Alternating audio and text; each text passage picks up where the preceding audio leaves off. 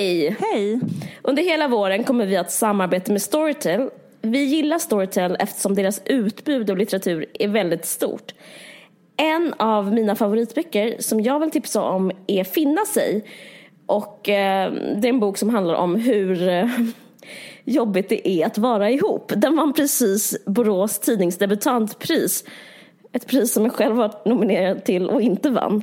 Men eh, den här förtjänar verkligen att vinna. Den är jätteväl skriven och den handlar om hur klaustrofobiskt det kan vara i ett förhållande. Vem har skrivit den? Det är Agnes Lidbeck som har skrivit den. Och den finns som ljudbok och e-bok. Fördelen med att lyssna på böcker via Storytel är att man hinner så många fler böcker än när man bara läser. Den här är ju ljudbok till exempel, man får välja själv. Ett bra komplement till ditt övriga läsande. Vi kan också erbjuda våra älskade lyssnare att prova på ett erbjudande som innebär att man får möjlighet att prova Storytel kostnadsfritt under 30 dagar. För att ta del av det här erbjudandet så gör man så här. Man går in på storytel.se och så skriver man snedstreck varg. Och sen så klickar man sig vidare. Då är det 30 dagar, gratis och så kan man lyssna på hur många ljudböcker som helst. Tack så mycket. Tack, tack!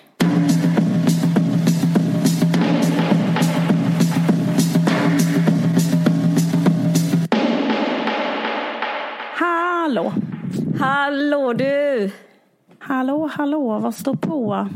Ehm, det är faktiskt eh, det är uppåt, det går uppåt. Jaha. Det Jag tänkte ändå säga vad- det.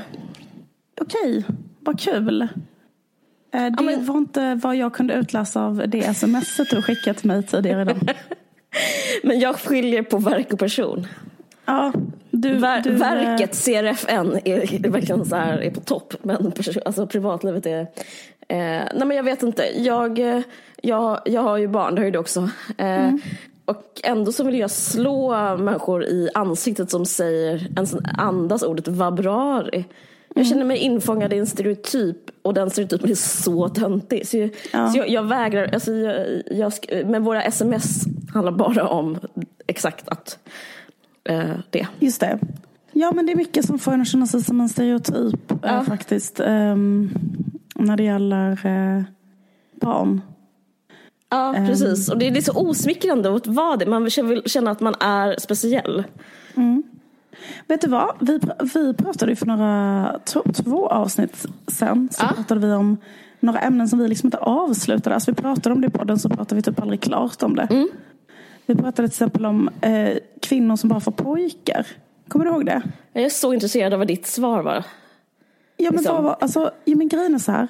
Lyssna på detta. Ja. Det här är så jävla sjukt. Det här, förlåt. Men, alltså, Nej, men jag, pratade, jag pratade med en naturvetare. Alltså en kvinna som är på doktorsnivå inom ett Det naturvetenskapligt finns inte, ämne. det kan, det kan du glömma att du ska lura mig att det finns tjejdoktor.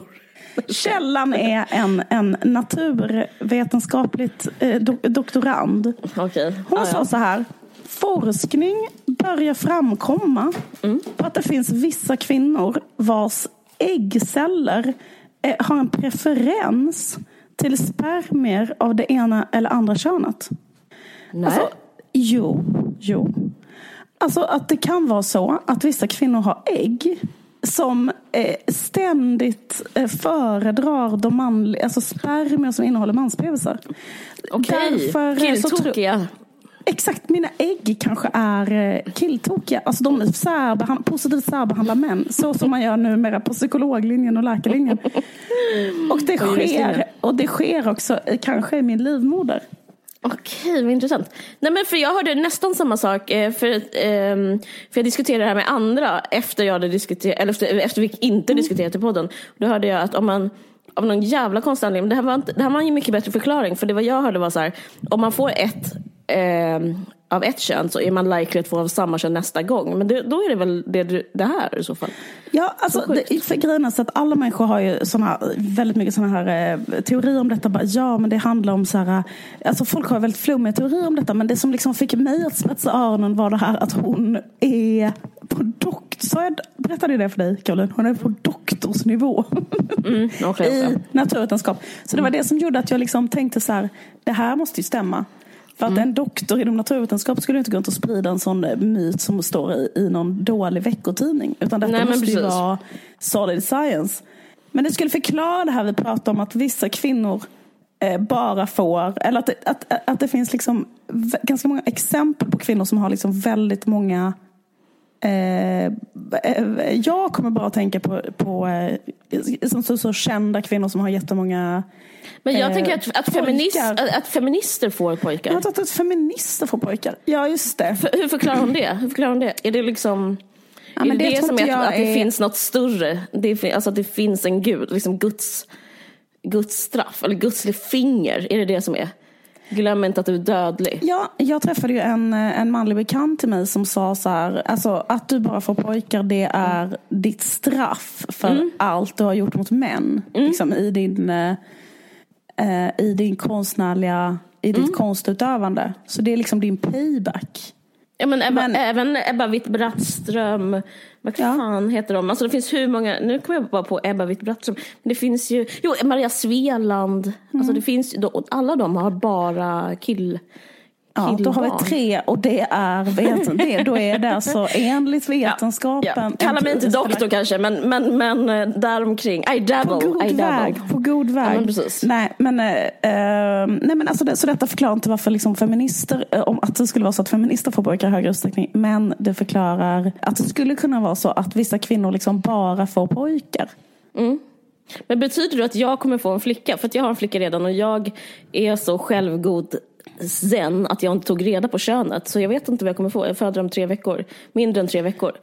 Eh, och då så betyder det då att jag kanske får en flicka bara för att Nej, för att alltså, eh, bevisligen om man ser sig omkring så verkar ju det vara ganska vanligt att eh, ens, eh, ens äggceller inte har en, en köns, en sexistisk preferens. Nej, Men det, det var ju bara det att att jag fick att reda på ja. att att mina eh, äggceller eh, alltså föredrar män. Och grejen är att jag inte är så förvånad. För kan man inte på något sätt tänka sig det?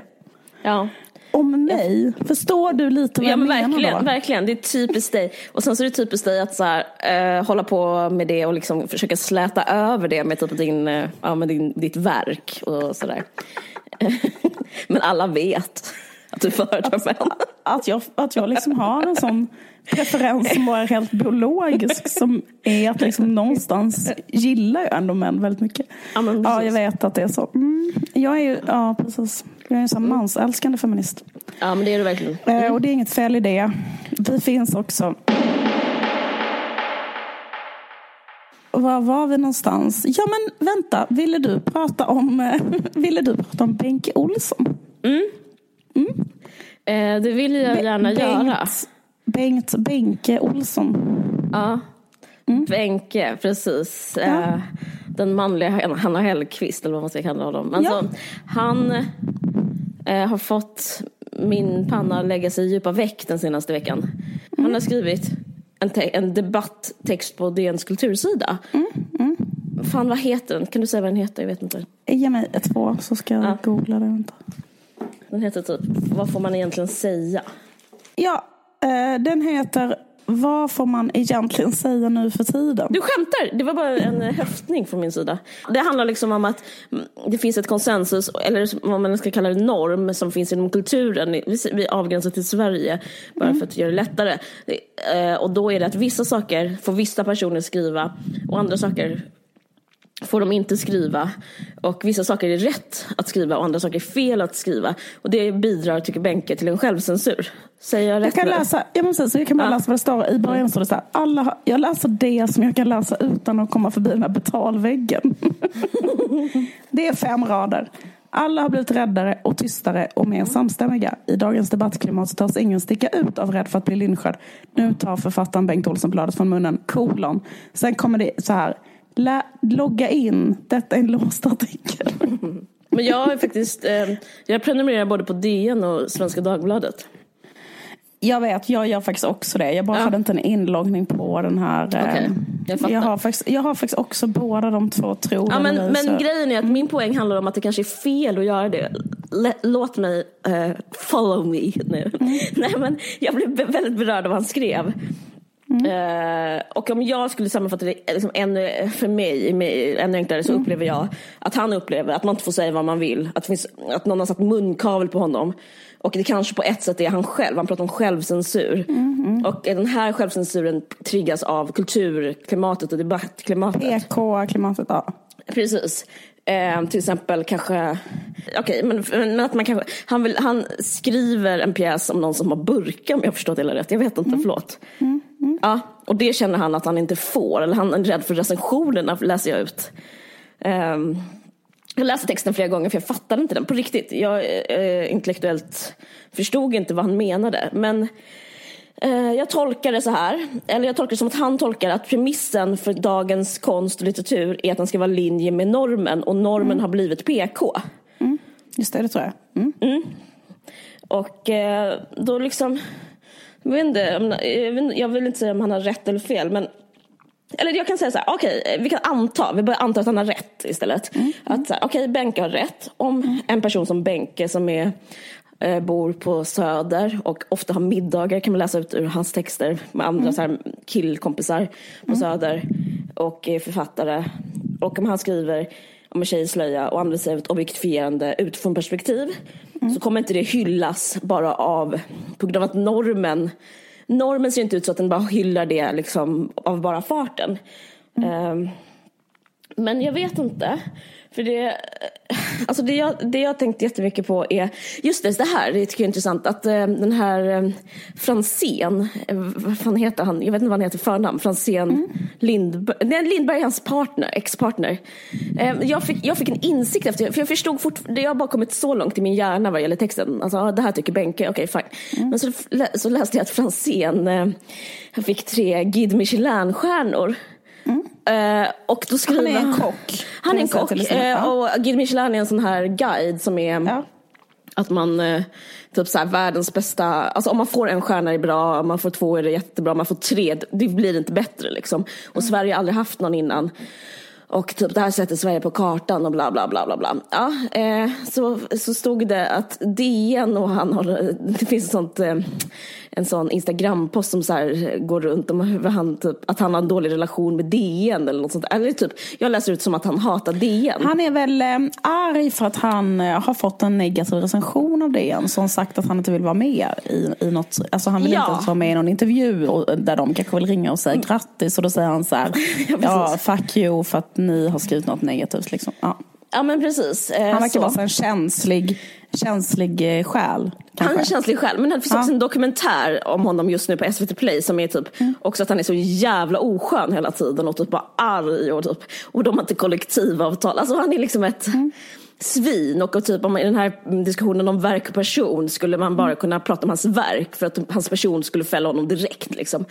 Men grejen är, då får jag, jag fick en insikt och det här kanske är låter så, alltså, ja, nu påar jag det som att det är en stor insikt. Det är väldigt så här, det är bara som en brisering på vattenytan. Det är ingen stor insikt. Men jag bara tänkte på så här, att Benkes problem kanske är att han inte är som Franzén. Alltså, för ett, även, alltså, säg att Benke har rätt, alltså normen är att han, han inte får skriva om slöja. Men så tänkte jag på andra personer som typ så här, odödliga, alltså människor som är begåvade, håller på med konst. Alltså förlåt att jag alltid pratar om det här och förlåt att typ, mina liksom äggceller äh, söker sig till, kills, till killspermier eller vad fan det heter. Men, men alltså, eh, men till exempel Strindberg, jag måste bara ta honom som exempel. Att det är liksom Eh, för jag, jag är så intresserad av det här för jag skriver en bok som är väldigt OPK. Den handlar bara om svaga kvinnor som blir typ rövknullade. Liksom. Så att jag, jag känner så här, och jag har faktiskt varit rädd för det Benken sagt. Eh, Och det här glömde jag prata om i förra podden för jag snackade med Gunnel Lindblom, den här jättelegendariska skådisen som jobbat med Bergman. Och hon jobbade också med Maj Zetterling som var den första kvinnliga regissören i Sverige som skrev, som gjorde den här Flickorna. Mm. Och, den, och den filmen fick så otroligt stort varmt eh, mottagande utomlands. Alltså den blev mega hyllad i Italien, Frankrike och USA i Hollywood. Så hon fick liksom karriär i Hollywood och allt sånt där. Men i Sverige så var det bara så här locket på. För att för det här var, det här var 1970, mm. eller om det till och med var 68. Och då var det bara såna här i svensk press som var så här, typ den jävla könsförrädaren. För det handlar om sva, tre stycken svaga kvinnor som är skådisar. Mm. Som är så här jättevimsiga och typ så här ihop med någon kille som behandlar dem asdåligt och, och sådär. Mm. Eh, och så tänkte jag så här, då fick jag reda på att den handlade om det. Jag fattade inte det. Så att hon liksom blev nästan kom, hamnade ute i kylan. Hon fick inte göra något på tio år sedan i Sverige. Mm. Uh, så uh, apropå liksom, uh, hur ett så här, debattklimat kan ha, vara politiserat. Och, mm, mm, uh, och då, då fick jag liksom mitt narcissistiska jag bara, nej det, kan, det är sant, det är ju så inne med feminism nu. Och, mm. Uh, gud, jag pratar så andfått för att jag har typ uh, extremt höggravid. Förlåt.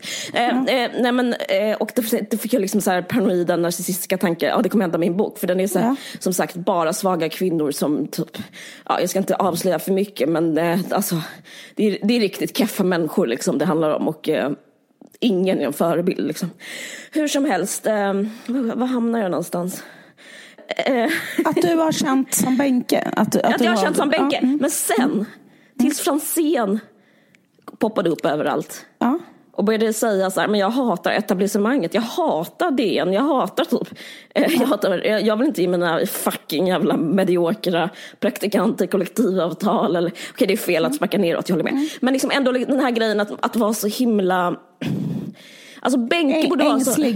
Ängslig. Benke borde vara som Franzén och vara så här, DN eller typ den som säger att det är fel av mig att objektifiera en tjejs slöja kan, fuck, kan fucking dra. Jag ska skriva en, mm. Mm. jag ska skriva en objektifierande pjäs eh, mm. från mitt eh, så här, tornrum Öster, eh, på Södermalm om typ någon kvinna eh, från Somalia och jag ska inte ens göra research, jag ska bara vibba liksom och sen ska, jag, mm. sen ska jag sätta upp den på Dramaten. Alltså jag menar bara Även om pjäsen är skit så tror jag att man inte som konstnär, för nu, nu eh, den här kocken från scen, nu får han hamna i konstnärsfacket, att liksom det enda sättet att få så tre Guide Michelin-stjärnor är att bara liksom bara, eh, hata normen. Och det, liksom att det, det, och det är det som är hela så misstaget i den här texten tycker jag. Att så här, premissen kan inte vara att man är ledsen för att normen inte är samma som konsten. För konstens funktion eh, är ju att eh, så här, eh, tänja på normen och kanske såklart är jag också för mänskliga rättigheter. Man ska inte vara så här, nazist och rasist och så vidare. Men på ett sätt så kanske man ändå kan få Typ, om det är någonstans man ska ha den typ av gestaltning så kanske är det just i konsten. Alltså jag tänker på mm. Hölbeck eller Lars Norén, ja, visst, visst. 7-3 och liksom att så här, det kanske bara där det får finnas eh, och just där och just där liksom man ska, man får vara kanske till och med rasistisk eller eh, sexistisk eller liksom. Ja, visst, visst. Ja. Alltså det är fel, jag bara menar så här, Benke du, du börjar på fel håll. Alltså så här, det, det är fel sätt att, eh, liksom, man, man, man, kan inte, vara, man ska vara arg på normen. Alltså, det är som att allting stämmer men han, men han har glömt vad, vad konst är. Eller vad en konstnärs roll är. Eh, förstår du ja. vad jag menar? Ja, jag förstår vad du menar. Ja. Och Franzén fick mig att, att känna så här, ja Franzén, du är den, du är mitt rättesnöre. Ja, det, ja. Eh, och det var faktiskt inte förrän jag läste de här olika citaten och och då känner jag liksom att jag har en förebild i Franzén. Att det var så här, ja. ja men okej, okay jag kommer skriva något helt sjukt. Ja, jag måste säga att jag håller med. För att, ah. kolla här, ah. jag, jag, fick ett, ett gott gammalt minne poppade upp i mitt huvud när jag såg den här texten. Mm. Och det var det när du och jag åkte taxi över Fårö. och vi eh, hamnade i baksätet och Christer Henriksson var i framsätet. Och han ville prata med oss hela vägen. Just. Och han var så himla glad och han hade fått så mycket insikt om ditt och datt.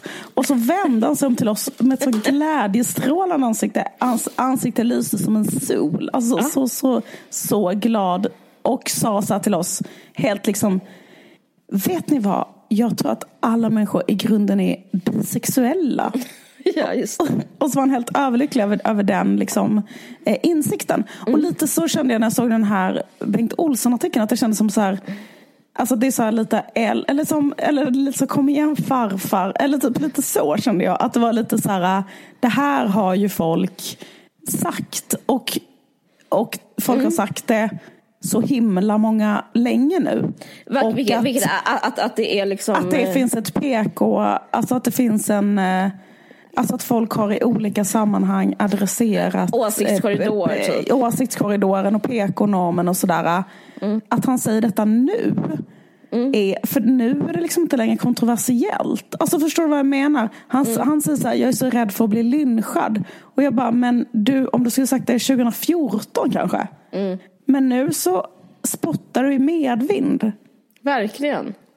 Vad hände 2014? Ja, det var peak PK. Okej, okej, jag bara accepterar. Absolut. Alltså det absolut. var, det var, då var det mycket, mycket, mycket, mycket mer. Och sen, Ja, men det kan nog stämma. Ja, men jag tänker på, ja, det finns lite olika exempel. Typ Ja, så här, då, det. då såg Facebook ut på ett annat sätt. Det är liksom helt töntigt att posta typ så här, att man är emot djurförsök eller sånt där. Alltså det, politism Ja, det är hade varit liksom- starkare. Och, ja, det är sant. ja. Mm. Men grejen är så här att, eh, alltså jag bara menar att det känns inte som några så här jättestora nyheter. Utan det känns lite som att han säger något som alla redan liksom har eh, tagit till sig. Så, så, så var min första känsla. Men, Men, men, men sen så skulle jag också sä- säga så här att Liksom att han säger så här, men de blev utputtade i kylan. Alltså, Eh, vad heter det? Ja, för, för att eh, jag läser just nu Giftas av Strindberg. Och han blev ju åtalad när han eh, gav ut den. Eh, För att han menade att Jesus blod och, Jesus, eh, alltså kött och blod bara är vin och han skrev sen någon billig picadon. Alltså någon billig, det är bara något billigt. Eh, Så, och som de köper för 25 öre litern eller sånt där. Alltså han, han menade det liksom. Eh, Och eh, grejen att han skriver i början så här, för att hela den, eh, hela den novellsamlingen, den är liksom en, en motreaktion mot Strindberg, och mo, eller nej, jag menar mot Ibsen. Eh, mot ett, ett duckegem. Eh, eh, Ibsen skrev ett dockhem och den blev unisont otroligt hyllad. Och då var det en jättestor feministisk våg. Detta är ju typ 1800, slutet av 1800-talet. Och massa kvinnliga författare gick ut och skrev liknande berättelser som handlar om så här, en, en kvinna som är olycklig i sitt äktenskap eh, och eh, liksom lämnar sin man och, och sådär. Liksom. Och det var, en, eh, det var verkligen en, eh, en trendgrej att göra det då. Och alla var, det var liksom den coolaste, hippaste grejen att skriva om. Och då är Strindberg liksom helt eh, rosenrasande över det och tycker så här, kvinnor är inte alls förtryckta i sina äktenskap. Eh, och, eh, och så skriver han eh, mot det ett antal noveller. Liksom. Men det jag menar är liksom att han blev eh, åtalad eh, för någonting han skrev i, i boken. Han blev liksom jagad ur landet. Typ. Alltså, han fick ju inte skriva, han fick inte sätta upp några pjäser. Alltså, det, han hade såna, det var såna jävla, jävla, jävla bråk hela tiden på kultursidorna som involverade honom och så vidare. Alltså att det är någonting som är lite han tar ju upp eh, Janouch och de här människorna också. Katarina Janouch och så. Att just Benke. att man, ja, Benke, exakt. Att det är någonting som är lite... Jag tycker någonting Det tycker jag var svagast måste jag säga. Alltså jag Ja, kommenterar inte det. För det var liksom, Nej. de håller ju inte ens på med, med konst och litteratur. Så det tycker jag liksom föll på. Nej, det var väldigt så här, eh, handlar om många olika saker. Men det jag menar är att det är lite konstigt att ha kravet så här, jag vill dels vara jättestridbar och provokativ och dels vill jag hela tiden vara med i DN. Eller liksom att... Ja, exakt. Det är det här jag, det är det här jag tycker också. Mm, för att är du DN. stridbar och provokativ så blir du typ jagad utomlands. Alltså, Ja, och så har det liksom alltid varit. Alltså om du verkligen säger något mot etablissemanget. Ja, skriv inte DN. Nej, precis. Nej men jag vet inte, men jag tycker det är något, något intressant med, jag fattar vad du menar att det var mest eh, 2014 och sådär, men det finns någonting intressant att, att Benke skriver i DN tycker jag finns ett slags metaperspektiv. Det, det är symptomatiskt att han gör Ja. det, för, för att det är liksom som att vi har kommit till ett ställe där det inte finns, alltså trenden skulle snarare säga att Eh, och, fan, jag ska inte försöka låta så här. Jag tänker på min pappa varje gång jag låter bitter och konspiratorisk mot medier. Jag ska inte försöka göra det. Men, men, men, men jag tycker det finns någon slags trend där det inte finns eh, ett avstånd mellan eh, avstånd mellan liksom författare och recensenter till exempel, eller ett avstånd mellan etablissemanget och de som kritiserar etablissemanget. Jag tycker den, och till och med, jag skulle kunna vara självkritisk, alltså eh, vår podd skulle jag så här, vi eh, vi kanske också för nära tipsar för mycket om, Ja. och nu kanske inte vi får något samarbete med, men jag måste ändå säga det, eh, att, liksom, att vi ska tipsa om någonting eh, för att vi sponsrade och då, då blir vår röst utvattnad. Och även vi är liksom del av det här samhället som är exakt så hela tiden, hela, hela tiden. Och att Benke skriver det där i DN och ledsen för att Alltså det, är, det är liksom nästan, det är som också att vara sponsrad av, av normen på något sätt. Alltså sponsrad av DN, för DN är ju normen. Alltså det, blir, alltså det är liksom som att alla är så mer eller mindre influencers och liksom eh, det finns liksom inget vi och dem. Och det brukar man ju klaga på att det är något, posi- eller liksom, att det är något negativt med vi och dem. Men jag, vår tid just nu det är att alla så tipsar om allt och alla, eh, det finns, alla gränser är utsuddade. Så därför blir liksom ingen Alltså, Benke Olsson är del av den normen han kritiserar och kanske vi också är det. Alltså tyvärr. Förstår du vad jag menar? Absolut, men om man tar bara det här liksom PK-grejen som eh, mm. exempel. Att han menar att det finns liksom alltså, någonting som influerar så här, institutioner och kulturområden mm. och sådär. Som, som, som är på det sättet att mm. eh, Um, så... Han menar en vibe som är att, den är, att en, en PK-vibe, liksom en vind. Precis, ja. precis. Mm. Och där tänkte jag också så här faktiskt, när jag tänkte på DN så tänkte jag så här att jag kommer ihåg när min pappa såg filmen Tillsammans av Lukas Moodysson. Mm. Uh, min pappa var ju själv med då på väldigt så aktiv del av liksom så här 68-vänstern och hela den här hippie eh, mm. liksom grejen och sådär. Och det är det som satiriseras lite i Tillsammans. Att, att de liksom skämtar om ett sånt kollektiv på 70-talet. Som, mm. Och då så sa min pappa när han sett det, bara, gud vad, eh, vad de liksom inte tog i. Eller jag menar, alltså, han bara att verkligheten var så jävla mycket mer utflippad. Så roligt. Att de anekdoterna han hade var liksom så här 90 resor värre än ja. liksom det här som Lukas Moodysson hade lyckats liksom sniffa upp så i efterhand. Liksom. Ja. Och eh, så känner jag också när jag läste Bengt Olssons artikel. Liksom, ja. Att så här, Åh jävlar, du skulle bara, du skulle bara veta liksom. Förstår du vad jag menar? Så här, hur PK det är när det är PK. Ja, alltså typ att um, och det gjorde att det var lite synd, tycker jag, att han eller det, det, det, får mig att tänka, eller det är nästan, och, och för att... Det är ehm, kul. För han berättar ju bara så här... Hans horisont deras, han, liksom, han berättar bara utifrån ja, sin egen horisont. Precis, lite precis. honom, Åsa Bäckman, alla de här människorna. De skriver alltid bara så här, jag åt middag med en väninna, vi åt hummer. Alltså det är bara, och det rör sig, alltså det är alltid bara de här människorna liksom, och du, liksom som bor i Stockholm och har så otroligt bekväma liv. Och liksom, det handlar om något sms och något telefon. Sånt där. Och så Benke en gång liksom var varit så lite grann utom, på något teatermöte och då har de sagt så här, du ska sparka uppåt eller liksom någonting mm. liksom. Och så blir man så här, det skulle vara så himla kul om någon annan skrev om det här med PK och hur det kan vara som hade lite mer juicy shit. alltså ja, typ eller mer utflippat. Alltså jag är med i en grupp ja. på Facebook som är eh, vad, vad äter du för veganmat idag? Och nu, mm. just nu, jag, jag kikade in, just nu är det en jätteinitierad diskussion om eh, eh, hur fel det är att äta honung. Och typ, ah, men du kanske inte bryr dig om typ, hur de bina har det som de, du vet. Alltså så, så PK kan det vara ja. liksom. Men ehm. alla människor som har varit med i en Facebookgrupp eh, ja. alltså för valfritt liksom, PK-ämne vet ja. ju hur snabbt det urartar till alltså, så mycket eh, sinnessjukdom så att man inte tror att det är sant. Liksom. Nej, alltså, det är ju, det, liksom, det, så är det ju bara. Och, verkligen. Han skrapar, han skrapar verkligen på uh, toppen av ett isberg. Alltså det finns äh, mer. Ja, ja. Alltså, och jag tänker sammanhang.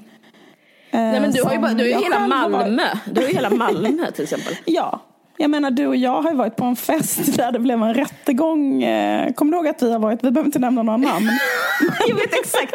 Ja, men det blev en spontan en rättegång. Efterfest. Ja det blev ju nästan en lynchmobb. Därför ja. att det var en kille som tog upp en gitarr. Och detta är ju många år sedan. Då var ju fortfarande ett fenomen att gitarrkillar var ju inte så kontroversiellt som det är nu. Nu har det ju blivit, nu har det blivit utrotade.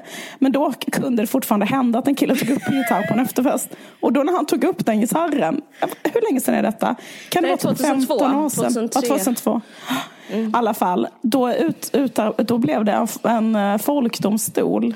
Little did he know att det var bara, det var ju bara, det var som en lesbisk, eh, liksom, det, var, det var ett lesbiskt gäng i Malmö med liksom, som hatade män och då Ja. skulle han dras till, då, skulle, då fick han, sattes han i vardagsrummet och så satt Ja. alla de här tjejerna runt omkring honom.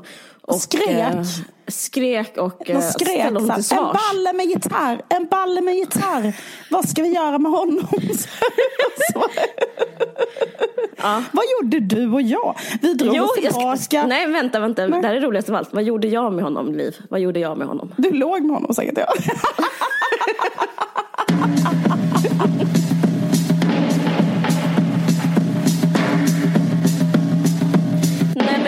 jag vet. Men det är, alltså, jag ska verkligen inte komma in på det. Men det, jag upplever Nej. samma sak när man pratar om så här, klimatgrejen. Typ så här, Att eh, alla skriver liksom sina eh, typ krönikor på ett plan. Och typ så här, alltså det finns ju, om man, om man är en riktig jävla klimathuvud, eh, huvud, då, liksom, då, då liksom använder man knappt cykel. Alltså det är, liksom, det är väldigt stockholmskt alltihopa. Liksom. Det är lite synd för att jag tycker egentligen att den här frågan, så här, alltså nu tillåter mig själv att vara allvarlig en, en stund. Mm. Så det skulle vara så, så här, jävligt intressant att på riktigt liksom undersöka den här frågan. Så här, är det så? Alltså, liksom skitsamma hur det är i någon Facebookgrupp eller på någon efterfest och sådär. Men, men liksom, är det så i, liksom på, på, man har ju sådana liksom skräckhistorier då från typ Utbildningsradion. Eh, och, och jag menar, och, och, och, och det är självklart att man själv har varit med om det också. Jag menar till exempel du och jag skrev en gång ett, eh, ett eh, dramamanus som inte blev någonting. Men, men då kommer jag ihåg att vi hade skrivit det och sen så gick vi till eh, SVT och då sa de till exempel, då säger de ju oftast, då säger de ju så här, kan en av de här karaktärerna ha arbetarklassbakgrund? Kommer du ihåg det? Just det, just det. Eh, till exempel. Och då känner man spontant så här, ah, fast grejen att manuset handlar om några clueless människor som inte är arbetarklass. Fattar du vad jag menar? Det är liksom inte, det är inte ett manus om någon som kommer från arbetarklass, för de gör inte det i det här manuset. Alltså vet så här, eller hur? Fan vad intressant, det hade jag glömt. Det sa- De sa exakt det. Uff, ja just det. Ja. Och, och det tycker jag liksom är ändå en kritik som är ganska intressant. För det handlar om så här, hur gör man Eh, hur, hur uppfyller man de här då liksom målen om att eh, det ska vara eh, eh, mångfald i kultur? För jag, kan, för, för jag måste säga att jag, jag, jag menar, vi, vi har skatt och, och alla människor betalar skatt och de pengarna går till kultur och tv-serier. Och då är det väl på ett sätt rimligt att så här, man ger lika mycket pengar till kvinnor och män till exempel. Man, man kan ju inte ge alla de pengarna till vita män utan någonstans måste man ju göra så här. För att liksom, varför ska annars kvinnor och, och liksom icke-vita typ betala skatt i det här landet? Alltså du vet, det, det är klart att man vill att de pengarna ska för, fördelas lite demokratiskt. Men frågan är ju bara hur det görs. Liksom. Alltså typ sådana idéer då, liksom, så här, skriv in en person här. Att man försöker lösa det så istället för att så här, eh, ge pengarna till eh, Gabriella Pichler till exempel. Eller någon person som bottnar i det eller kan berätta eller har en berättelse som från början handlar om det. Liksom. Men grejen är att det finns ett annat problem alltså som, som jag hade verkligen lyssnat om Benke skulle ta upp. Jag snackade med en eh, person som jobbar på Sveriges Radio. Ja, men, snabb anekdot, det var typ så här, de hade ett möte vilka dokumentärer som skulle göras nästa år.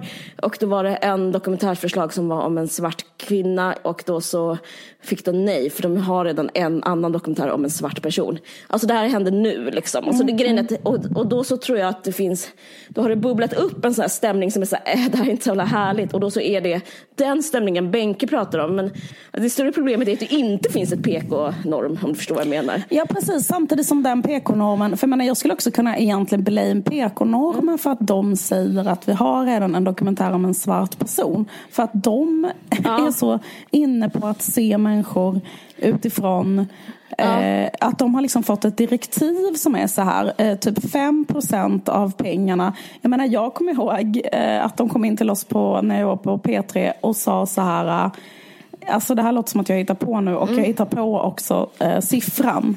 för att den kommer inte jag ihåg. Men typ så här 0,5 procent av era sketcher eller så här, måste handla om funktionsvarierade personer. För det är eh, så många som finns i samhället eller någonting. Eller Mm. du vet, eller liksom, du vet så att, att man tänker så i kvoter och att man liksom, Jo men det är ju för att det från grunden är fun- Ja. funkofobt. ja men exakt. Ja, därför man städar Liksom att- ytan. Ja, och att, liksom att, att, man, att man bara ser människor som identiteter och liksom att då ja, men exempelvis en svart människa i första hand är svart för dem för då blir det en, en, en, ett eh, kryss i en ruta. Ja, men och som vi har verkligen. uppfyllt liksom. Och då kan man inte ha två kryss där. Liksom. Utgångspunkten är att man är så vit medelklass och därför Ja. kan man bara utifrån sig själv säga så här. Jag vill se en ruta där en svart person ska fyllas i istället för att så här eh, bara gå ner från sin eget privilegium och liksom eh, bland, blanda sig lite med typ resten av typ så här, världens befolkning. Ja, men det så, för det händer ju aldrig. Det som händer är ju bara eh, yta och representation. Och Ja. Jag bara menar att jag upplever liksom eh, två skikt. Liksom, det finns en dis- diskrepans som är så här, ja det finns en PK-norm och sen så finns det en norm och den normen är liksom inte PK. Och det, det hade, jag tror att det PK vinden skulle vara softare om liksom den riktiga normen bara ändrades.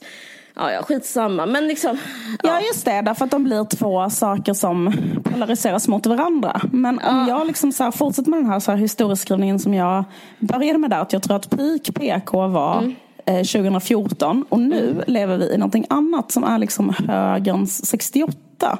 Alltså typ att, liksom, ja. men visst är det så? Alltså jag tycker det är så jävla mycket så. Ja.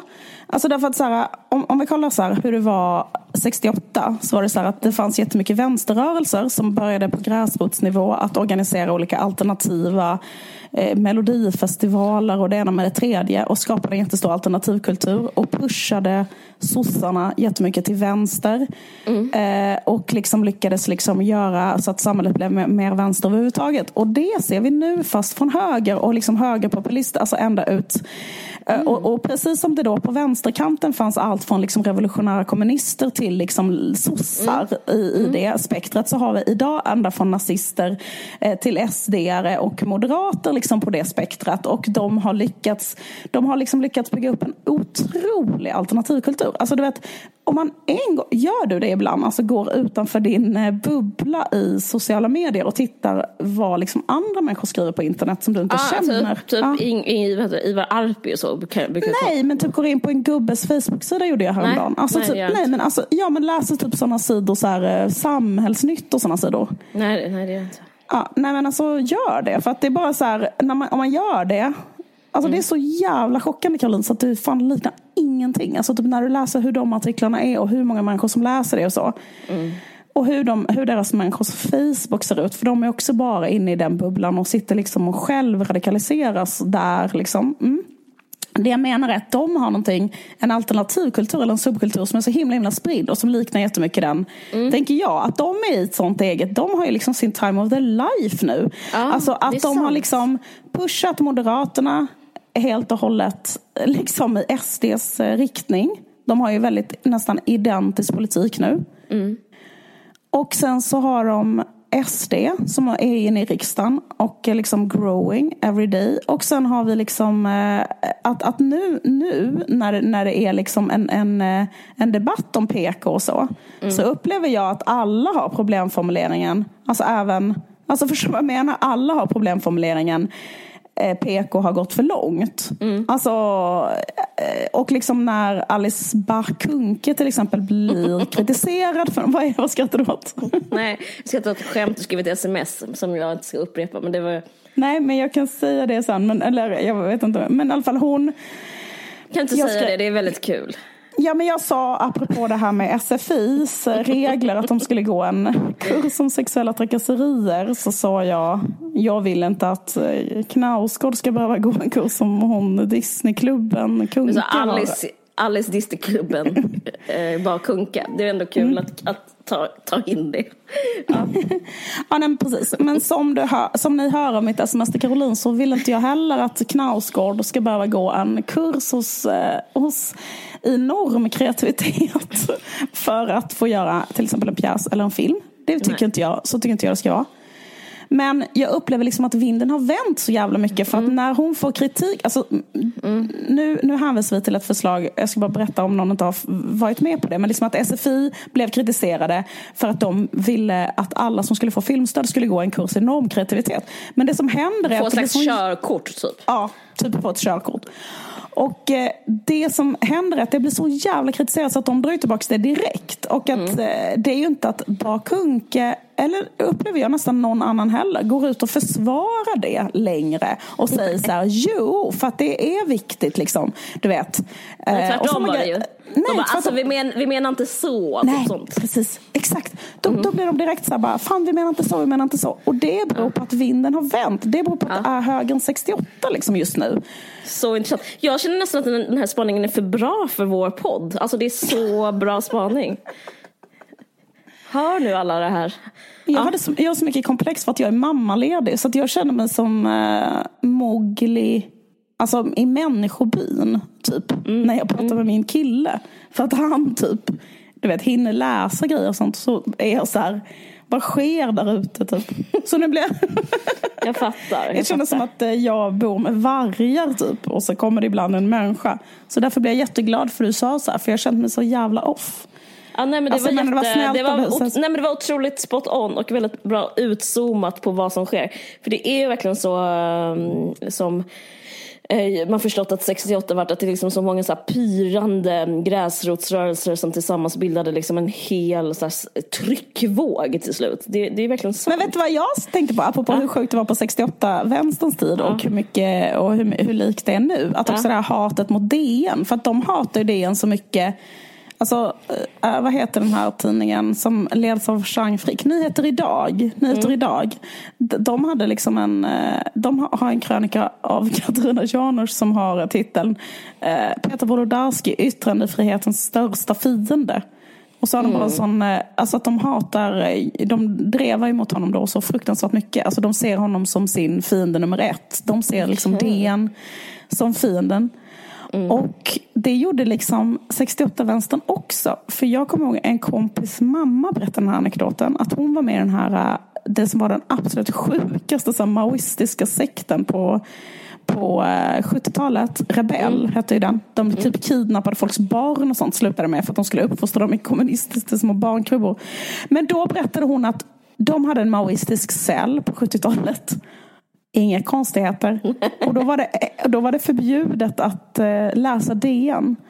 Och en kille, de bodde ute på landet, och en kille hade då läst DN på utedasset. Kom de andra på honom med att ha gjort. Och då släppte de ut honom och skulle typ alltså, lyncha honom typ för det. Och det här då borde vi med de- tillsammans. Det här är ju, det här är ju bra Ja, det här material. Och när de gjorde det så liksom typ hejdade de sig med- i luften och bara Nej men vänta, vi skiter i det typ. Och sen upplöstes den. men jag tänker att den stämningen upplever jag att det är inom höger nu gentemot DN. Jo, det är det ju. Absolut. Alltså att, eh, att de människorna som sitter och läser de alternativa medierna, om de skulle ha en kompis som skulle prenumerera, kom komma på någon med att prenumerera på DN. Vad är det skriver du in där? Vad är det du gör där på din mobil? Var inte den artikeln Ja,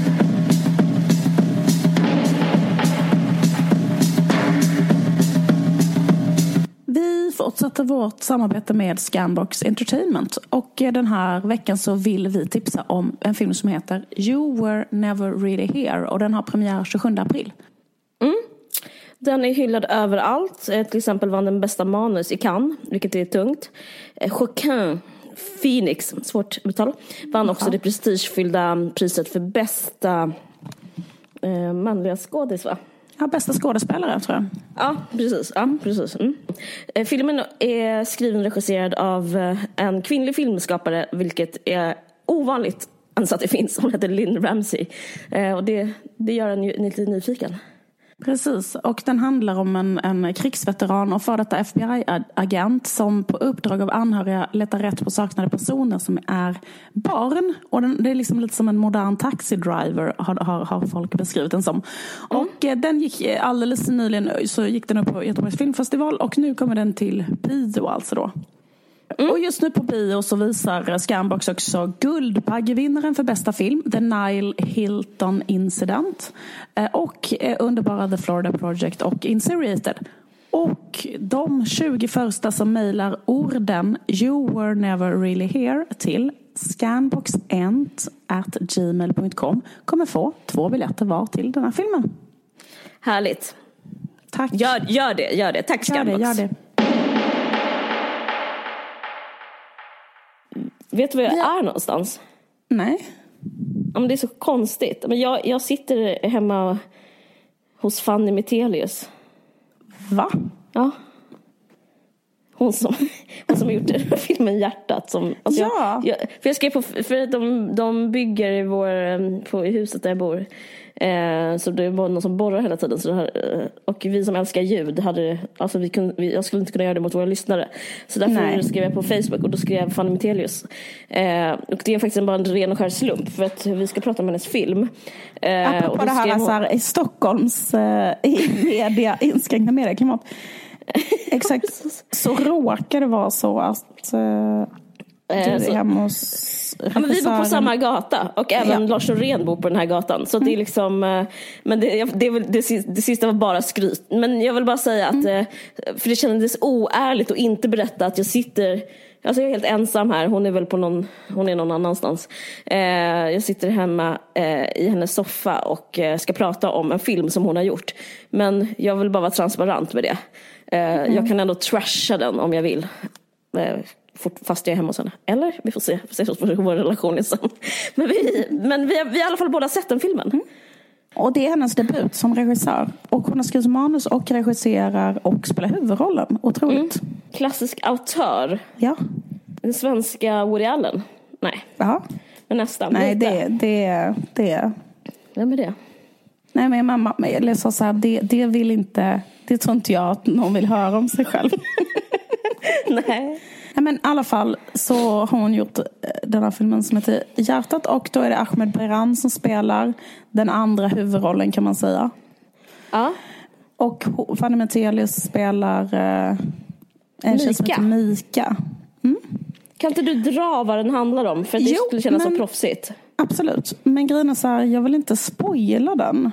Och, och eh, så därför var jag lite orolig för att prata om den. För att jag, jag vill liksom inte råka säga hur den slutar och sånt. Kan inte Okej, du hindra säga en, okej, kan, jag, kan, jag kan säga en sak om den. För jag läste lite intervjuer, försöker vara duktig Mm. liksom, inför det här. Och då säger hon så här i många intervjuer. Jag vill eh, prata om, jag vill utmana kärleksnormen, säger hon.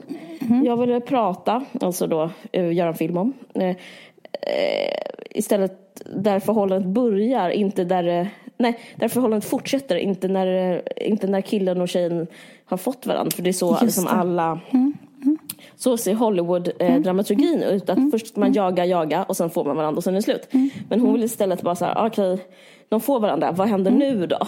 Så är det det ena, så det, det handlar om ett kärleksförhållande. Och sen så måste jag ändå säga temat för den, för annars blir det Mm. har jag extremt svårt att prata om den.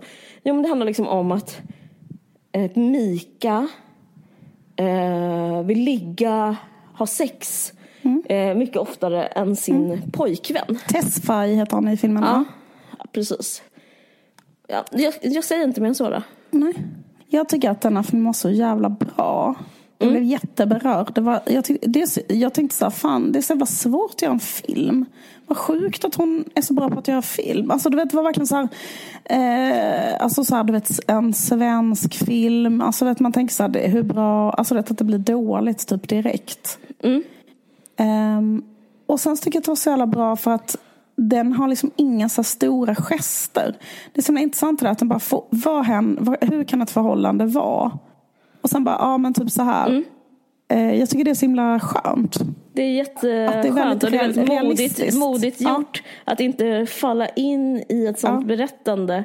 Ehm, att man eh, liksom, dels använder sig av andras berättande som ofta är ju liksom sen hände det, sen hände det och sen så blev det kris och sen så blev det så här. Utan att man, man eh, jag, jag, det är roligt att du säger det för jag tänkte också på vad jag tycker är behållningen med den här filmen är jättemycket hur manuset är skrivet och hur det är levererat. För det är typ så här, ibland är det typ att någon säger bara något så här tyst. Så bara, typ, vad sa du? Sen så bara, äh, det var ingenting. Sen så får det ändå vara med i filmen. Det tycker jag är imponerande. För att om man jämför med, som jag pratade lite om förra gången, ska inte bli långrandig, men eh, jag och min kille skämtar om det när vi ser på de här deckarna, för de är alltid så, här så fyllda med information. Alltid. Ja. Det är alltid typ Men så här, Maria, min syster, eh, som bor i Karlskrona och har två barn, ringde mig. Alltså typ att det är så mycket så så. är svensk drama väldigt mycket. Att det bara så bär på in info liksom. Ja, det är hemskt. Så det Eh, och det här är liksom tvärtom men ändå så är det så här, säger väldigt, väldigt mycket. Eh, Det är så och, väldigt... Ja. och, men då blir man liksom väl som tacksam kände jag jättemycket som tittare. Att jag bara, fan vad, vad fint. Eh, och, och så där är det att vara ihop. Och jag tycker det är så roligt Ja. för att det, det är inte som att de beskriver att det är dåligt att vara ihop. Men de bara Nej. beskriver hur det är att vara ihop. Ja. Alltså typ Ja. att så här, Ja. eh, det är typ det. Det är Ja, liksom, jag vet, jag vet. eh, Det är så jävla bra. Och sen också Ja. bara så att, för att jag kände lite att det här handlar om eh, två personer som är ganska unga. Ja. Jag kan tänka mig att de är så mellan 20, 22 och 25 eller något liknande i, Ja. i filmen. Liksom. De träffas på en folkhögskola. Och både du och jag har gått på folkhögskola. Och Ja. vet hur det är. Romantik på folkhögskola. Nej, men alltså att, eh, jag tycker att det är 100% identifikation med typ så här, att det är så himla realistiskt så här, hur det är. Men sen också eh, att jag själv är så här äldre nu. Så att när jag tittar på det nu, den, Mm. den karaktären som jag identifierar mig mest med det är så här hennes mamma som spelas av Susanne Reuter. Okej, Typ att- intressant. Ja. eh, Eller liksom att det den karaktären säger tycker jag är så voice of reason i, i, i filmen. Mm. Till exempel säger hon så här, men herregud, ni har ju inga barn eller någonting, varför är ni överhuvudtaget ihop? Det är så Och det- bra, det är det bästa som sa, sagt vet, i hela och, och, filmen. och det tycker jag är så himla kul, för så tycker jag att man känner när man tänker på när man är äldre och tittar på unga människor som är ihop, då undrar jag bara så här, varför är ni ihop? Varför är ni ihop? Liksom, varför är ni ihop? Alltså typ så här, det är som den Eller Louis vad gör du här? Varför, varför sitter inte du på något plan någonstans? var vad är, du, det här? Varför sitter du i den här lägenheten med den här killen? Varför är du inte ute bara, liksom, det är som när Louis CK har någon sån, eh, någon, någon, någon rutin om det som är typ sådär eh, att han inte fattade innan han fick barn, hur, alltså att han trodde att det var svårt att göra slut. Men att han är så här, the door was right there. Why didn't you just walk out? För liksom efter att man har en relation med barn involverade så, så fattar man inte längre så här, för det första så här, varför någon är, är ihop med någon överhuvudtaget om de inte har barn för då, tycker man, då finns det ingen anledning. Och sen också så här, varför folk inte bara gör slut så får det minsta lilla problem. För liksom, nu är man så här, nej nej för att vi har barn så vi kan inte göra slut. Okej fine, liksom. Det är jätte, jättejobbigt att göra slut. Men om man inte har barn då är det så här, bara gå ut genom dörren. Gå bara hem.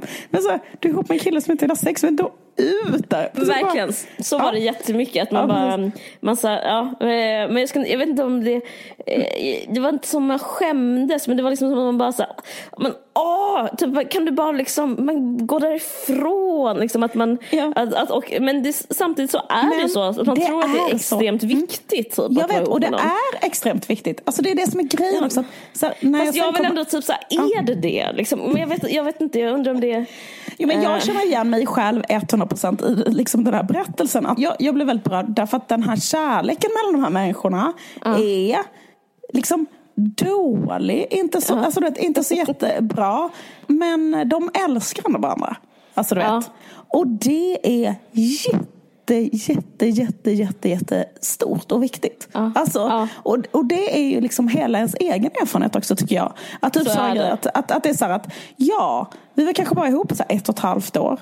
Men grejen att sen när man gjorde slut så eh, jag tycker det är jätte, liksom, är fint skyddat också att Nej men för att det är så viktigt så att då är man ledsen kanske i ett, och ett halvt år eller två år eller tre år efter det. Alltså förstår du vad jag menar? Ja. Och det Ja. finns inte någon annan. Man bara, ja men vad fan du är 22 år, gå bara ut och lägg med någon annan. Nej men bara så, nej för det, för det är inte så. Det är liksom inte så det inte så. funkar. Det är inte Nej, så. vet. Eller det känns inte så. Eller det funkar helt enkelt inte så. Som man kan tycka då, som när jag har nått den här mammaåldern, Susanne Reuter-åldern som är så här, uh, Ja. liksom, hon bara, du är jättesnygg, du är liksom ung, du vill bara, bara gå ut därifrån, gör något annat. Alltså, du vet, liksom, vad, Nej men det är faktiskt träff? sant. Liksom, Ja det, det är helt perspektivlöst. Men samtidigt så typ, jag vet inte, det är på två sätt. Samtidigt, jag håller med Susanne Reuter men samtidigt så är det som du säger att den kärleken är så alltså de känslorna tycker jag, jag kan ha tillgång till, jag kan plocka fram de känslorna av att känna sig avvisad, dumpad, eh, olyckligt kär. Alltså det är så, de har liksom varit så starka i ens liv och tillhör livet så mycket så att eh, alltså det, det, det är nästan så jag kan sörja dem den typen av, alltså jag hade också så här, jag, både du och jag har gått på folkhögskola, både du och jag blev kära eh, och liksom på riktigt och sådär. Eh, jag kan verkligen så känna den jag, jag, kan känna vad hon känner och att det mm, nästan typ förstörde mitt liv när det tog mm. slut. Mm. Liksom. Mm. Det, men, ja, det, men, men, samtidigt så, jag, jag fattar Lucy Kay och Sandra Reuter också. Men det, men det är väldigt fint skildrat av eh, Fanny att hon eh, när hon åker på den där resan och liksom det blir liksom inte bra någonting. Och man, man, alltså, jag bara tänkte, på oss, alltså, vi, vi åkte ju på en resa till Grekland. Jag minns också, jag, var också, jag bara grät. Liksom. Ja. Varför, kunde, varför det? Kunde man liksom inte vara lite lite gladare liksom. Jag vet inte. Ja, men det, jag tycker det är väldigt De är på en rolig, de är på, en, de är på något coolt ställe. Det finns en klubb och så. Vi var ju på en sån där otroligt stenig strand som kallas för Getstranden. Och det var ju liksom inte så att det fanns snygga killar. Man ser en jättegammal typ sexualförbrytare som försökte få oss engagera oss i en trekant. Fyrkant. Det är liksom en fyrkant. Nej, jag tror fan inte jag var involverad. Jag tror inte att jag var inbjuden. Jag trodde att han ville att du och vår andra kompis skulle vara med. Jag fick okay. stark känsla av att jag, nej kanske var, just det, just det. Nej, men jag kanske var involverad. I alla fall, han ville att vi skulle åka hem till honom och ha en fyrkant. Och detta var den enda mannen i byn ungefär som var hundra år gammal. Det var det som hände oss. Hon har ju mer rolig grej då att hon är på Ibiza. Ja, precis. Men det som är så jävla bra är att den är så otroligt realistisk. För, mm. alltså, det är så väldigt, väldigt små gester och sen ändå att det är bara så här att det, att det är liksom exakt så, så det är och så det känns och så. Och det var liksom så mycket skit. Liksom, och sen också det här jag tänkte på det här liksom, eh, när vi pratar om PK och sådana saker, att alla skulle tvingas gå en eh, normkreativ kurs för mm. att få filmstöd. Att liksom, eh, bara man ger eh, filmstöd till typ en uh, ung tjej kanske, en, som mm. berättar utifrån sitt perspektiv. Så liksom har man ju mycket, alltså du vet alla behöver inte göra normkreativ film, men till exempel denna filmen är ju normkreativ på det sättet att den liksom till exempel det var en scen där, det, där huvudpersonen har sex med en kille och han gör en grej som inte hon vill att de ska göra när de har sex. Just det, ja. Det och då så säger hon och då så säger hon till honom, så där kan inte du... Alltså jag tror nästan aldrig jag har sett att någon bara så här, att man bara liksom så visar en sån scen som är så på typ ett eh, slags icke samtycke situation. Fast det är väldigt lågmält, inte särskilt mycket. Bara så här, ah, han gjorde en grej som inte jag ville bara. Då säger hon bara till och sen så, så diskuterar, eller så säger han bara nej okej. Okay. Och sen så blir det som hon har sagt. Alltså. Mm. Och, och, det är inte att han blir jättearg och börjar slå henne och det är inte att liksom hon blir jättearg utan det är ett ganska så här mysigt, lite roligt samförstånd. Mm. Bara för att sådana konversationer försiggår hela tiden. Men mm. de är liksom aldrig eh, men de är liksom aldrig skildrade och det var väldigt mycket sånt. Eller till exempel ser man ju väldigt sällan den situationen så här, en kille som inte vill ha sex och en tjej som vill det. Mm.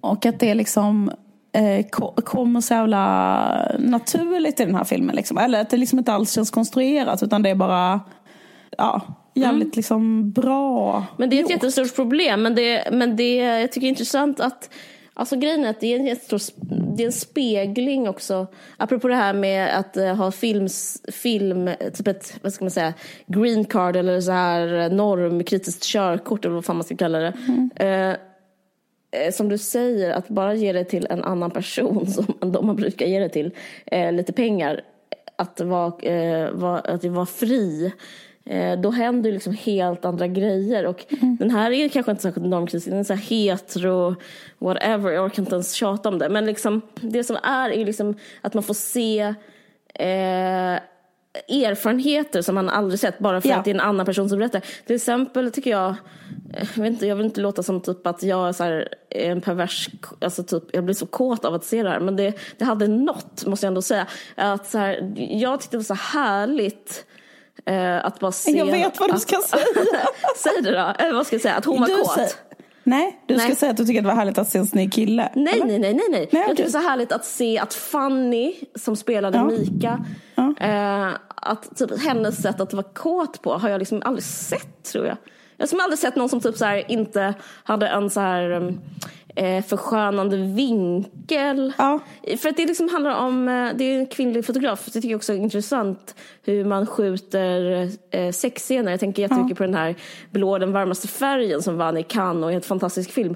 Men som också är väldigt eh, Voyeuristisk. Voyeuristisk, jag har snackat om det innan, att den är skjuten med teleobjektiv, det vill säga som paparazzi-objektiv, att man står långt ifrån för att man inte ska offenda skådisarna och därför liksom står man och liksom kollar på liksom ett gött lesbiskt sex typ. Eh, men här finns det liksom eh, någon, typ nästan att man ser så porerna på bröstet. Och en, att det finns en närgångenhet, totalt så nakenhet, alltså i dubbel bemärkelse kanske att hon inte är glad typ när hon är kåt. Alltså förstår du vad jag menar? Det är Ja. inte så ovanligt att, så här, att man inte så här, man gör inga så här flörtiga ögon utan man är bara typ så här, ser lite ut som ett kanske mer som en konstig eh, djurversionen av sig själv och bara eh, gör en konstig min och liksom. Men, men det tycker jag, är så jävla härligt. alltså, ja, och också så här hur... Eh, jag, jag tänkte lite grann på att eh, Lena Dunham har ju också den, det läget att hon är manusförfattare och Mm. Huvudroll och regissör liksom i... Eh, jag vet, inte, hon är nog inte regissör kanske alltid men, men hon kanske... Alltså hon, hon, ja. Men jag, menar, jag tänker också på Mm. det därför att om man har den, den kombon så Mm. kan det liksom för första gången eh, vara med en kvinna till exempel Mm. i en film som inte är castad för att hon har en perfekt kropp. Mm. Liksom. Eh, och, eh, och, och att liksom, när man själv är regissören, jag tycker det är intressant för det händer i den här filmen också, att liksom, hon kan liksom själv välja att eh, så här, eh, visa sig själv. Mm. Eh, till exempel så var det en, eh, en sak att hon hade ett eh, linne Mm. som var liksom uppdraget bara så en liten bit ovanför brösten. Så att brösten syntes fast Mm. på ett osexigt sätt. Det här tycker jag är så jävla intressant. Det här är typ mitt största intresse. Nej, men så här, hur man visar brösten. För det finns liksom ett sätt att visa brösten som är så Mm. jävla normativt. Som är så här, när, när en tjej visar brösten då visar hon alltid brösten på det här sättet. Men det finns så himla många sätt att visa ett bröst. Alltså jag, jag vet att jag och en annan kompis till mig höll på med sån, sån, sån skämt hela tiden eh, när vi var yngre. Typ bara så här, det, det finns så här ett väldigt komiska sätt att visa brösten. Till exempel om man ska så visa brösten på en fest. Man är så utflibbad på en fest och ska visa brösten. Till exempel att så trycka ut sitt bröst från, om man har på sig ett linne, att så trycka ut bröstet på samma sida, alltså genom armhålet. Ja, eh, och visa bröstet Ja, ja. så. Men så, här, så visar inte kvinnor. Liksom, och Nej, då när man nej. visar ett bröst så kan man liksom visa bröstet fast på ett helt, på ett sätt som liksom inte har någon så här, sexuell konnotation överhuvudtaget. Alltså att man skulle, det här Ja, är ett annat projekt. Jag ljuvligt. tänkte, nej men det är liksom så jävla, och, och, och, det, och det gö- gö- gör hon också i den här filmen. Att det är så här. Nu, nu visar hon brösten fast hon visar brösten på ett sätt som inte är så här kodat som sexigt överhuvudtaget. Och dessutom i en scen där hon försöker ha sex med en kille och sen frågar honom så här, vill att jag ska sluta göra detta? Och han bara, ja det vill jag typ. För att han är inte tänd på henne liksom. Och att det är så himla... ehm, Alltså när fan ser man det liksom? Det, det... Nej men jag vet, men det, men det är liksom, eh, nu är jag med mina anekdotisk bevisföringen, men det är väldigt vanligt, måste bara säga det, att det är, det är tydligen att att vara ihop med en kille som inte vill ha sex är typ mega, mega vanligt. För jag skrev om den här filmen på min, på min Insta. Då skrev jag så här, ah, en film som handlar om sci-fi problemet att en kille inte är sugen. Ehm, för att eh, jag har varit med om det. så jävla skrytigt. Men jag upplever att det, att det liksom genom mitt liv och genom min så här vänskapssnack så är, är det ett väldigt vanligt grej att eh, typ att så här killar inte vill. Eh, och då så, men i och med att det aldrig har skildrats någonsin någon gång innan så är det ju klart att man mår skit om man är ihop med en kille som inte vill. Eh, men egentligen är det kanske sanningen så att ingen kille vill ha sex och alla tjejer vill ha sex. Men alltså medan Ja, typ så Hollywoodversionen är eh, tvärtom. Liksom. Alltså jag bara tycker att det är så intressant för att också för att eh, liksom, det, det, det har vi pratat om i något annat avsnitt men liksom att det fanns en, en, en, en, en, en, en våg på 70-talet som var liksom liksom att eh, nu har vi frisex och liksom Mm. normen är att det är lite, eller liksom att det är lite coolt och lite normbrytande att vara liksom en sexgalning som eh, eh, liksom alltid är peppad och, och, och det är en väldigt så här, pressande eh, norm som gör att om du lever ett förhållande som skildras i den här filmen där då, hon säger ju sen efter de har gjort slut att de typ aldrig låg med varandra i princip. Och de har varit ihop jättelänge liksom. Att eh, samhällets öga på ett sånt förhållande är liksom så himla fördömande och att man, man liksom jag kan tänka mig eller att det blir så att det Precis, blir det är liksom helt oskildrat. Alltså det, är liksom också, det får inte existera upplever jag. Alltså det finns Nej. liksom som att, som att hon berättar typ någon slags eh, dark secret om något som är extremt vanligt. Alltså jag vet inte, jag tycker det, det Men en också så här, det, det liksom dåliga självförtroendet som par som utvecklas om man är ett sånt par. Och så här, jag vet inte, det, det var väldigt... eh, Och, eh, men ändå liksom att hon är helt... eh, Jag tycker också en annan grej som eh, mamman sa, voice of reason i filmen. Att hon skrek, jag tycker inte att man ska gå i terapi för jag tror inte att det är bra att bara älta grejer. och det håller jag kul. också med om. Jag fattar. Ja men förstår du lite vad jag menar? Jag tyckte att det var en rolig, en rolig röst att höra. För det tycker jag också är normbrytande att säga så här. Är inte det, alltså ärligt talat. Så här, varför ska du göra det? Typ så. Men jag vet, jag vet. Det, det, det hade verkligen nått. Eh, Jag älskar ju terapi så jag kan inte riktigt hålla med om det. Men jag, jag fattar ändå vad du menar. att Det är så Ja, men jag att bara förstår men också att det är bra med det. terapi. Men jag tycker också det är roligt att någon också säger, som Verkligen. också innehåller ett, eh, eh, liksom, ett ett stort korn av sanning som är så här. Det kan också vara så här att man inte behöver göra det. Ja men faktiskt.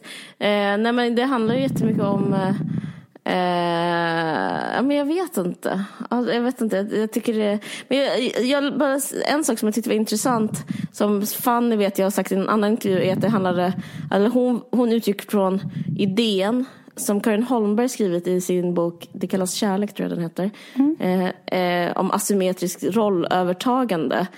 Eh, har inte du skrivit om det här också? Det känns Jo. som du har pratat om det här. Ja, Men jag om det, ja. Ja, men jag läste, liksom, eh, läste på om vad det var eh, för att hon hade sagt det så många gånger. Men, och, men det tycker jag, för det, för det handlar egentligen om att, liksom, om, om att ha det dåligt som kvinna men ändå, Mm. ändå fortsätta vara kvar. Och det finns, en, finns rätt så mörk liksom ett mörkt ackord i filmen när man tänker på det tycker jag. Alltså jag tycker det är intressant för att nu är det, eh, stämningen var då att tjejen ville jättegärna ha sex och killen ville aldrig det och då blev tjejen mindre och mindre bekräftad. Men ändå så var det som att hon hade liksom inte hon bara älskade honom och var kär i honom. Och, eh, det fanns inte på kartan att hennes behov skulle vara liksom viktigare eh, än liksom än att hon skulle förstå honom. Och att, eh, om jag förstått det hela rätt, så asymmetrisk rollövertagande att man, man förstår sig själv, men man förstår även den andra personen som eh, typ utför någonting mot den. Alltså man förstår både kill, eh, och det är så att tjejer har lärt sig i samhället att förstå både typ det kvinnliga eh, och det manliga. Liksom. Och, men mm. medan män är uppfostrade att inte ha det här. Utan de bara ser, liksom, utgår från liksom slags eh, suverän suveränitet. Därför Eh, kan, enligt, därför kan liksom kvinnor aldrig bli som förstådda i ett heterosexuellt parförhållande. Det är ju väldigt Nej. mörkt. det är mega mörkt. Ja, Och, ja. men, men, jag men tycker- det stämmer ju också. Alltså, det- det, förlåt, men det Ja. gör ju det. Ja. Ja, men det, är så in, men det, det tycker jag, alltså det gör den här filmen ännu bättre och det gör den liksom allvarligare för att det finns någonting i det. Eh, att alltså, fortsätta vara ihop med en kille som inte vill ligga med en. Det är liksom att vara så förstående. Alltså det är liksom, det är att liksom förstå, eh, alltså det är att inte utgå från sig själv. Och jag ska inte avslöja hur den slutar men att det fanns så många tillfällen hon skulle kunna göra slut. Alltså jag håller med mamman liksom, men att hon ändå är så här, ja men han är kanske trött eller han kanske är deprimerad eller han kanske är stressad eller han kanske liksom eh, och det är liksom beskriver någonting hur hela samhället är och hur samhället så här, pratar om killar. Så jag känner igen den typ av snack med typ kompisar, att man, är, att man liksom har full koll på sin killes liksom olika eh, nyanser medan liksom ingen jävel bryr sig om en själv. Nej men alltså jag vet inte, jag tycker det, det, det, det, det, det, inte, det har inte heller sett, riktigt sett på film, men jag tyckte det var väldigt fint gjort måste jag säga. Mm, och, och att det liksom parallellt med att det är så så är det också true love. Alltså det är det som är så jävla speciellt. Att det är så och det är att båda älskar varandra. Typ. Mm. Alltså det är så himla konstigt. Typ, och det är ju det som är mysteriet. Liksom, som jag också tycker att hon lämnade på ett så jävla fint sätt öppet här. Att det var liksom Mm. inte en eh, stängd film på det sättet att det var så här övertydligt liksom att han förstår inte henne och hon, alltså du vet så här, utan Mm. det var liksom, eller så här, det liksom ö, lämnades liksom som något man kan bara titta på och dra liksom sina egna slutsatser. Alltså jag tycker också på ett sätt att det handlade om hur våra liksom samtida könsroller är. Har du liksom läst den där undersökningen där de har frågat tonåringar idag, killar och tjejer, vilken som är deras, vad, de identifierar sig som. Om de ska säga så här, jag är det här. Vad som är vanligast bland kill- killar och tjejer. Har du läst det? Nej. Nej men då är det så här typ att alla unga tjejer av idag, det, det, det, det vanligaste de säger att de är, är att de är feminister. Det är också säger verkligen något om samtiden. Så om, man ska, om de ska kryssa i så här, Dags jag att är, lämna. Nej, jag ska- ja, mm. ja.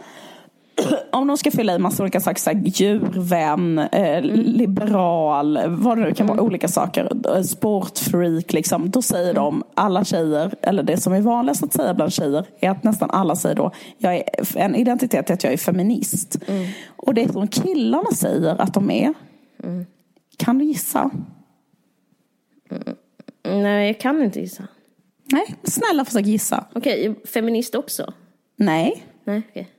Gamer. Jaha, gud vad osexigt. Ja. Och det är ju också han i filmen. Ja.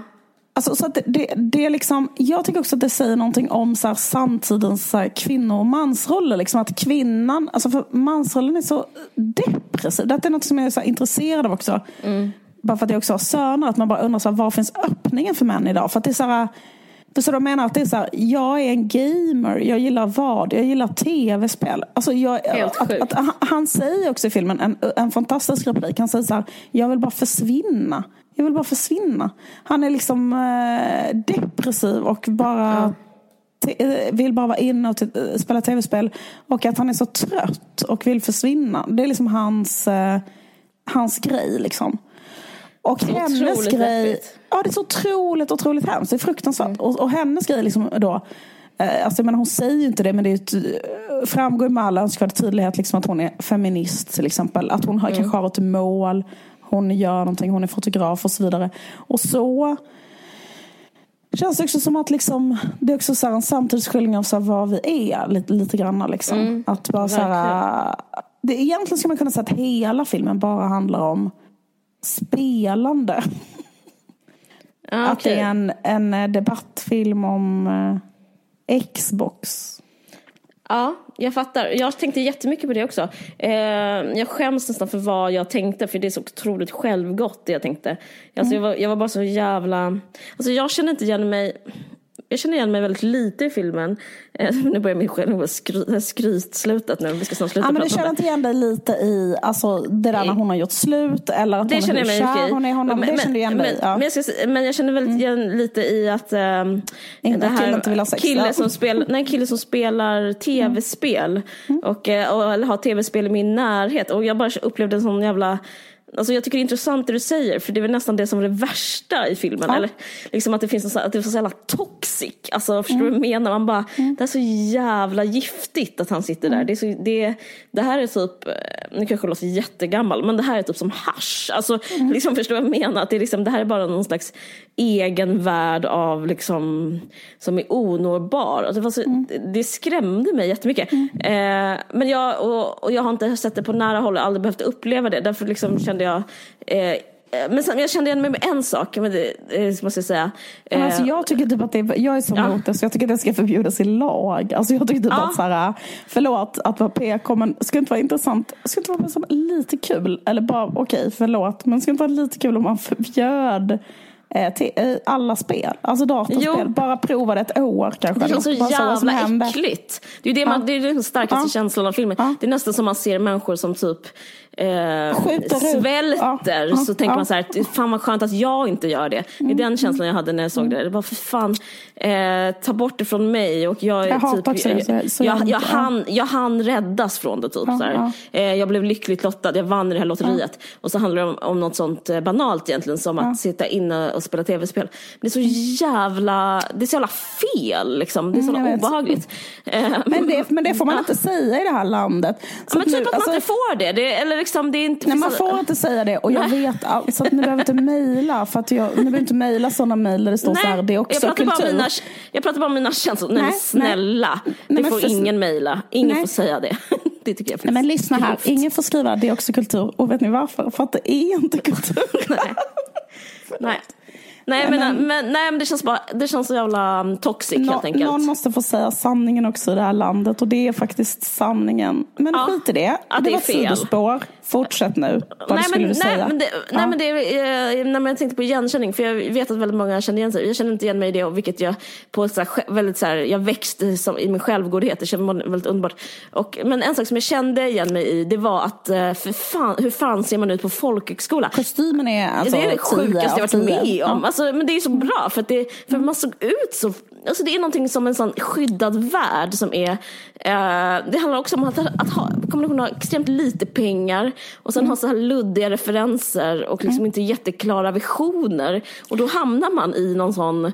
Men det är också att man, att man är 80 bekväm på Ja, man är bekväm. Att det Man kanske vill är- alltid vara exakt, nära till alla har, alltså.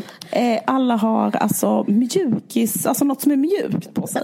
Ja, exakt. För att det är liksom någon form av, det kanske också är så här, det finns Allt är en slags sleepover liksom, på något sätt. Man, alla sängar finns där i närheten. Ja. Ja, Och folk alltså- har liksom så här, kanske benvärmare. Alltså det, är så, det kanske finns en teaterlinje och de behöver ha stretchgrejer på sig. Och sen så smittar det av sig. Och folk har så här, typ, eller så här, det är lite kallt. Man har liksom en, en mössa och trä- mjukisbyxor. Och, Ja. eh, Ja. Men jag tyckte det var kul för att hennes kostym, hur hon såg ut när hon gick på folkhögskolan. Alltså jag såg ut alltså exakt Jag som hon. vet. Du var Alltså, verkligen, du jag- verkligen eh, men jag tycker det tycker jag är så så Nej, intressant. hon för hade då undrar jag, är folkhögskola en egen? Ja. Men har det inte utvecklats alls? För det är som att, det kanske som tiden står stilla där, för att alla har typ en sån luddig 80-talsreferens om att det är coolt med benvärmare, men ingen Mm. har ju liksom tyckt det Eh, alltså, är det har folk fortfarande benvärmare på folkhögskola? För att de Jag, hade det jag tror det. när du gick där, sen var det när jag gick där och sen så... Och tydligen också när den här karaktären går där. Ja, nu, så 2018. roligt. Ja. Vi har under våren ett fortsatt samarbete med Malmö Stadsteater, vilket vi är mycket glada för. Just nu spelas Fly Me To The Moon på Intiman, som handlar om två hårt arbetande hemtjänstearbetare. Det är en komedi av den nordinländska skådespelerskan och dramatikern Mary Jones. Hon arbetar mycket för att ta fram intressanta pjäser och roller för kvinnor, vilket vi tycker är bra. Eh, och säkert alla andra. Den här pjäsen handlar om Frida och Liliana som jobbar inom hemtjänsten och träffas för första gången i ett gathörn i Malmö innan de ska in till sin första gemensamma vårdtagare. Under resten av dagen trasslar de in sig i en absurd och komisk karusell. Och eh, pjäsen har redan fått mycket bra recensioner, så det är ett safeguard. Ni kan som sagt se Fly Me To The Moon på Intiman i Malmö. Den spelas till och med 7 april så där finns tid. Och vi erbjuder er som vanligt 25% rabatt på biljettpriset. Vi har bytt kod till VARG, V-A-R-G, eftersom det blev struligt med den gamla rabattkoden. Så använd alltså koden VARG så får ni 25% rabatt på biljettpriset. Och biljetter går att köpa på malmöstadsteater.se. Gå och se den. Yes, och vi vill samtidigt passa på att nämna att Malmö stadsteater alltid varit väldigt bra på rabatter till alla som studerar. Och eh, är du fortfarande, om du är ungdom, alltså det räknas fram till man är 26, så har man upp till 50% rabatt på biljettpriset. Tack så mycket Malmö stadsteater! Tack!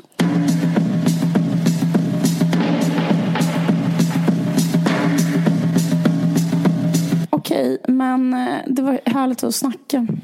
Verkligen. Härligt att få lyfta på locket. Det här med gaming Och, känns eh, jätteskönt. Jag, vill bara säga, jag, måste, jag fick jättemycket mail förra gången. Jag måste bara säga, adressera det här. Mhm. Eh, Jag fick jättemycket reaktioner på att prata om min ångest. För det var liksom... Eh, för jag, tror- jag ställde det som en fråga om det var rätt eller fel att prata om ångest. Eh. Kommer du ihåg det? Men då fick jag så otroligt mycket respons som var så här... det är rätt. Typ. Det är därför vi lyssnar på podden och sånt där. Jo, jag Eh, vet. Men eh, visste inte du det redan? Jag, vet, jag kanske var ute med hoven, men det jag vill säga nu i alla fall är Ja. att jag har ingen ångest kring min bok. Jag vill bara berätta det ifall någon bryr sig om Jaha. min utveckling. Eh, jag känner, jag tycker typ det, den är bäst. Den är bäst i Sverige typ. Kan, kan någon skriva bättre? Har någon skrivit bättre innan? Kommer någon kunna skriva bättre? Eh, jag sitter typ och så här gråter, myser, skrattar, fnissar liksom, under redigeringen och bara liksom eh, slår mig på knäna typ. Så att eh, det, det till allas, om alla, jag vet inte, det kanske, de, det kanske man inte vill höra. Men det är i alla fall där jag är just nu. Måste jag Men bara hur som helst, precis. Vi kan ändå, ni kan ändå, ni, alla ni som ändå tänkte stänga av nu när ni hörde detta. Eftersom alla bara vill höra om ångest. Förlåt. För så är det ju självklart. Ja. Alltså det är ju sig, sig, sig själv. Men grejen är att nu, så nu, för men nu är ändå på den slut så det är lugnt. Eller? Ja, Kan det, kommer inte hända mer. det kommer inte hända mer. Jag vill bara säga att det går upp och ner kanske jag försöker säga. Ja, det är bra. Mm. Ja, Okej, men tack för att ni lyssnade. Tack så mycket. Ha det Hej då. fint. Hej.